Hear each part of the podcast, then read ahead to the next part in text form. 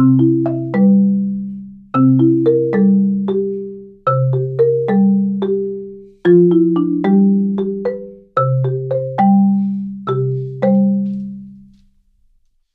hei. Da sier vi velkommen til en ny podkast fra Stavanger katedralskole. Det er podkast, og jeg er Ludde som vanlig.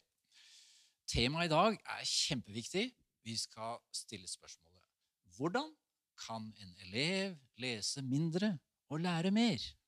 Altså, det handler om studieteknikk. Maitri, velkommen til deg.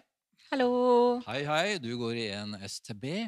Og nå eh, spør jeg deg. Tenk deg at du har en stor prøve i morgen, f.eks. i et grusomt fag som heter samfunnskunnskap, med en forferdelig lærer som ikke skal nevne navnet på.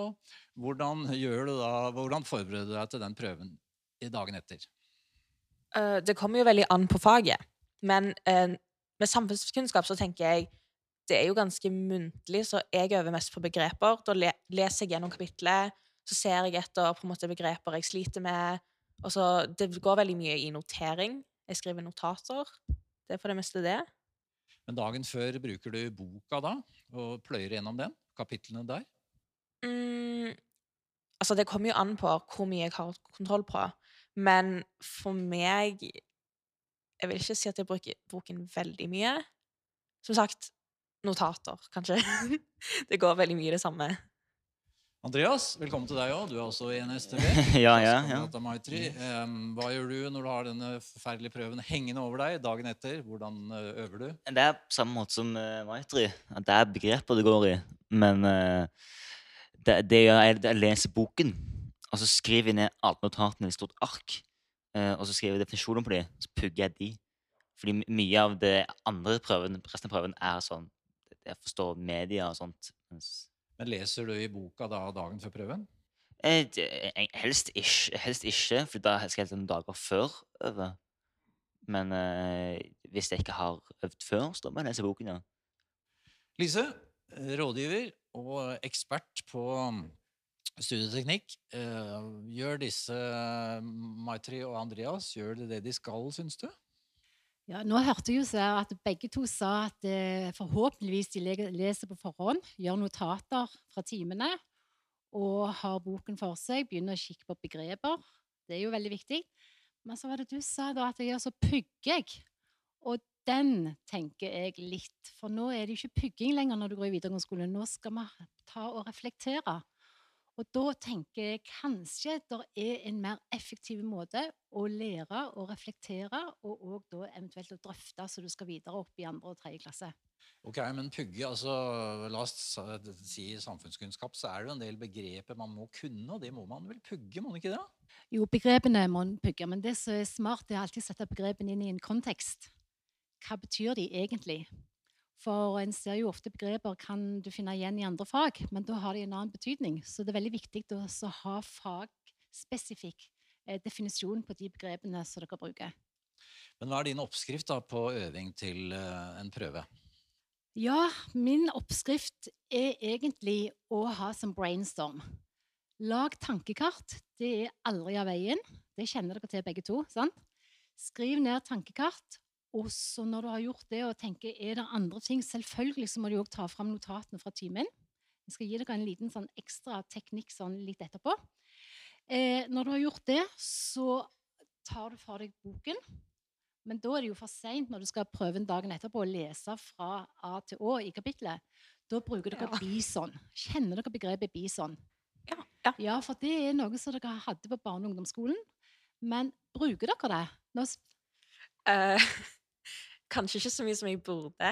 Jeg tror det er litt sånn, litt sånn i underbevisstheten. Så tar det litt sånn når du skal få oversikt. Men jeg tror ikke jeg gjør det med vilje som studieteknikk. Det spørs veldig hva bok du har. liksom. I samfunnsfag liksom nå så er det jo veldig sånn veldig mye snakking. Så det å læ- nærlese alt Det tar jo lang tid hvis du går gjennom 110 sider på én dag. Det får ikke tid til å bli sånn på alt. Da må du ofte skure gjennom ting. ja. For når det gjelder bistand, så tenker jeg på det at det er en sånn effektiv måte å få en bedre overskrift. For da har du jo allerede lagd dette tankekartet. Da har du allerede liksom tømt hjernen for det du kommer på. Så vil jeg si at bistand det er at du bruker bilder.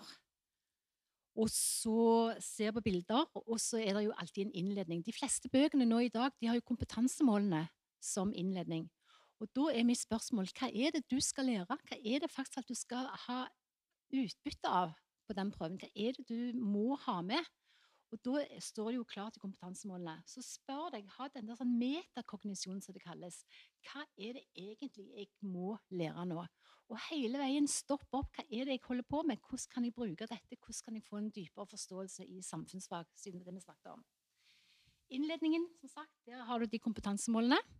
Og så bak oss så har vi jo en oppsummering, som regel. Og les oppsummeringen. Som regel står det oppsummering før oppgaver, og så tar du oppgavene bare muntlig for deg sjøl. Kan jeg det som er sentralt? For oppgaven, oppsummeringen og oppgavene det gir ganske bra pekepinn for hva du skal kunne. Så går du tilbake til kompetansemålene, så finner du ut hva dette her svaret på spørsmålet har jeg lært noe nå. Og Da har du spart ganske mye tid. Så begynner du å bla, ser på overskrifter, og det er alltid de her ord og begrepene som dere nevnte. De er ofte med kursiv, eller så står de ved siden av i, i margen. Og ha Dette skal jeg jo ikke si høyt, men nå sier jeg det høyt så alle hører det.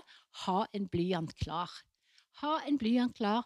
Skumles gjennom teksten. Strek under de begrepene, de nøkkelordene, så du har òg gjerne pugga. Og så tar du etter hvert og fyller ut tankekartet.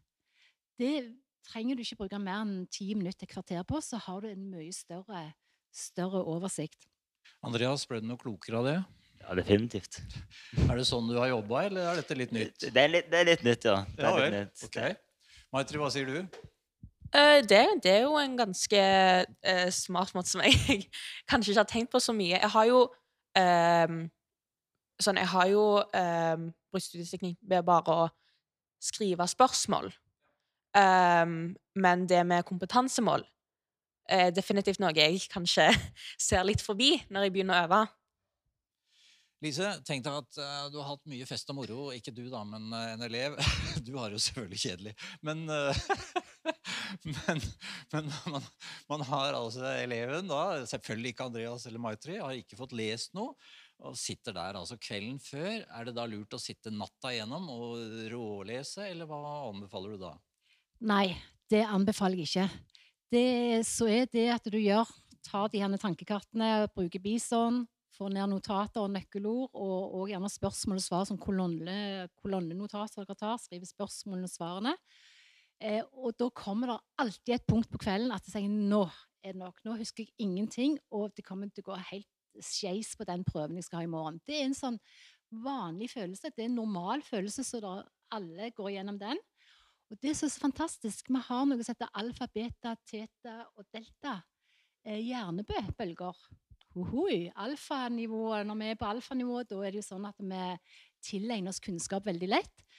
Og, men når vi skal sove, da går vi inn, hjernebølgene går inn i et annet modus. Og det er utrolig. Vi har jo mapper, akkurat som en harddisk. Vi har mapper. Og det du trodde du var helt eh, grønn på og ikke hadde fått med deg den kvelden du sitter og leser, mens du sover, så legger en del av denne kunnskapen seg inn i de rette mappene. Så når du da våkner om morgenen, så kan du bare skimme over på tankekartet ditt, og så går du til prøven, og så er det utrolig mye du husker. Og da har faktisk alltid natten strukturert. Men dere som sover eller legger dere klokka seks og står opp klokken syv for å prøve, glem det. Da er det bare kaos. For da har du ikke fått denne her roen som de her hjernebølgene gir oss i løpet av en god natts søvn. Ok, da vet vi det at skippertak det er ikke det lureste man kan drive med. Eh, Maitri, eh, skal vi snakke litt om den jevne lesinga? La oss si du vet at det er fire uker til denne prøven i samfunnskunnskap. Eh, hva gjør du da? Begynner du å lese med en gang, eller drøyer du den litt? Um, hvis det er fire uker, så kan ikke jeg si at eh, jeg er tidlig ute, da. Um, det kommer veldig an på hvor forberedt jeg føler meg. Men én til to uker før, kanskje, så begynner jeg å liksom ta Begynner å ta øvingen litt sånn seriøst. Sånn OK, nå må jeg få kontroll på dette, sette det inn i perspektiv, osv. Hva gjør du da? Um, da begynner jeg å Ja, det var Da begynner jeg å lese. um, og så begynner jeg å se på ting jeg sliter med. Prøve å liksom repetere litt, bare få det litt inn. Sånn, jeg vil si at det tar litt tid for meg å lære ting. Tar, Mens, tar du ja. notater da, eh, mens du holder på med dette her? Skriver du stikkord i ei bok, eller? mm, ja, jeg tar notater, men da er det mer litt sånn for å oppsummere, fordi at jeg vil ha ting litt i perspektiv, hvordan ting henger sammen. Andreas, hva er din langtidsmetode her? Sånn fire uker. Ja, for eksempel. Jeg begynner å finne ut hva er pensum, liksom. Altså, altså hvor mye må jeg egentlig øve? Og eh, altså, hvor mye tid trenger jeg? Hvor, altså, dette her er noe jeg fokuserer mest på. For ofte så har du ikke bare én vurdering. Hvis du har fire uker, du kan ha to vurderinger hver uke, og da har du, må du fokusere på det du har nå. Og hvis, hvis det er sånn, hvis det bare leser, leser 20 sider, det er en lett prøve, da må jeg, kan jeg sette til siden og fokusere på viktige ting. Men eh, begynner du noen dager før, la oss si en uke eller to før, til å øve til en prøve, eller? Det spørs veldig. Ja. Hvis det er sånn mange sider å pugge, da er det sånn eh, Da, da må jeg tenke på det fritiden, og så må jeg, vet må jeg lese. Men hvis det er sånn kjempeenkelt, så da er det ikke det. er ikke. Lise, det er jo det som er det vanskelige her. altså Elevene har mange fag, mange prøver. Men denne langsiktige jobbinga er vel det som er nøkkelen her, er det ikke det? Hvordan skal den foregå? Absolutt. Og jeg har jo unger sjøl, og de var alltid på farten. De hadde aldri tid til å gjøre lekser. Det var helst 'mamma, kan ikke du gjøre det for meg?' ikke sant? Og da var det sånn at jeg kjente nå Hvordan skal du lære best mulig, mest mulig, på raskest mulig tid? Og det er ikke en teknikk jeg sjøl har kommet på, men jeg har lest meg litt opp nettopp pga. at eh, det er jo òg å håndtere stress. For får du to prøver på ei uke, og det begynner å nærme seg, så kjenner vi stresset. Og ikke minst det på prestasjonsangst. Hjelp, hvordan skal dette gå? Jeg har noe som heter 2-10-regelen. Det er så enkelt. Og det håper jeg òg alle lærerne etter hvert er med på å gjøre. Jeg prøver å gjøre det, og gjennomføre det når jeg sjøl har timer. Det går. Nå må dere følge godt med. Nå er det at tar, ja. Når uh, Ludde sier 'takk for i dag', det var alt for i dag, så er ikke dere ferdige. Da skal dere ha eh, ark og blyant. Blyant, Merk dere, ikke PC, men blyant eller penn. Og så har dere gjerne skrevet notater for hånd. Så skal du bruke to minutter og tenke igjen hva er det Ludde har sagt som var viktig i denne timen. Skriv med egne ord. Dere har allerede gjerne nevnt det, men dere skal bare se vekk fra det dere har skrevet, og så skal dere reflektere over hva var det Ludde sa. Bruk to minutter på det, og så For det som skjer da, det er at fra Ludde sier 'takk for i dag', og dere bare smeller boken sammen og går, så faller glemselen. Da går det rett eh, ja, rett ned. Og da vi skal stoppe glemselskurven, sånn at den flater ut, så dere husker mer til neste time. Når du da har hatt et fag Du kan begynne nå med samfunnsfag med Ludde. Neste time skriver du to minutter. Du tar boken med deg hjem. Og så, når du da tar boken med hjem, gjør lekser, så skal du bla opp, og skal du bruke ti minutter på det du brukte to minutter på. Og da er det jo bison som kommer inn som en god eh, teknikk. Da trenger du heller ikke lese igjen. Leter du etter nøkkelord, ser på overskriftene, ser på bildene, danner deg et inntrykk av hva var det nå Ludde sa. Og så har du de tominuttsnotatene, og så har du timenotatene. Ti minutter skal du bruke på det. Og da har forskning vist at det, glemselskurven den flater veldig ut.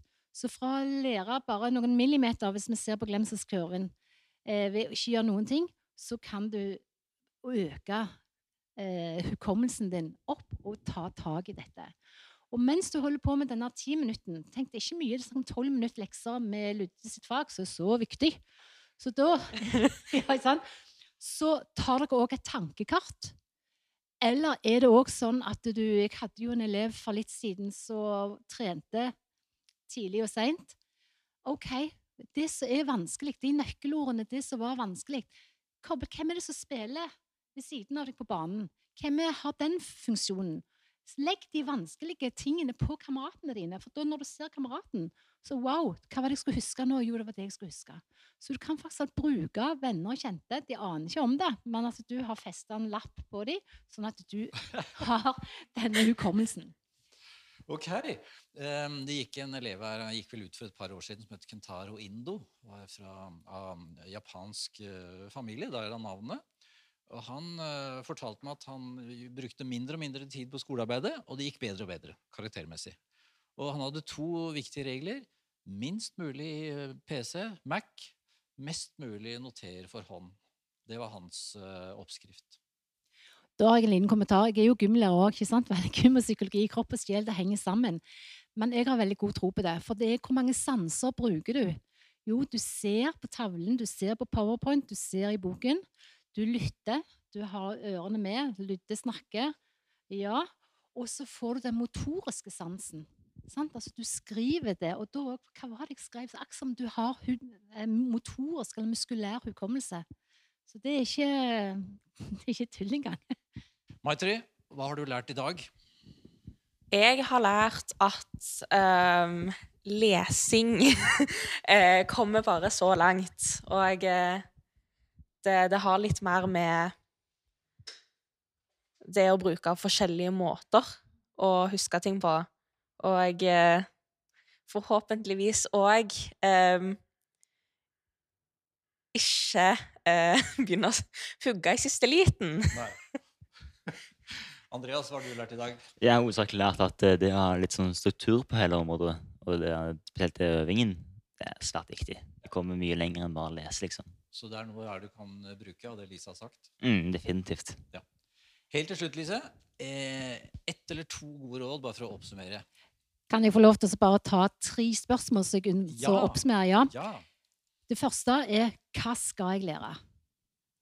Da er det kompetansemål. Hva er det egentlig de er på jakt etter nå? etter dette? Hva skal jeg ha lært etter dette kapitlet? Det må dere ha klart. Og så hvordan skal jeg gjøre dette på en best mulig og raskest mulig måte? Da tenk den to-tier-regelen jeg har. Ikke begynn med alle fag, begynn med ett eller to fag om gangen, og så blir det en del av deg. Og det tredje er Stop, watch, drive. Nå er det rett før dere begynner å ta lappen. Sant? Stop, watch, drive. Og det gjelder òg nå. Stopp opp. Se hva er det du holder på med, før du eventuelt kjører ut i veien. Gjør noe. For da kommer akkurat det du sa, Andreas. Det gjelder det å, å kjøre i rett retning. Du må planlegge, og så må justere etter hvert. Sånn at ikke bare gå blindt hen og begynne å lese, men tenk gjennom hvordan du leser. Da vil dere ha mye igjen.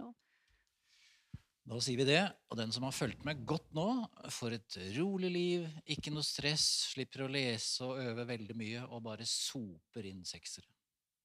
Takk til Andreas, Maitri og Lise.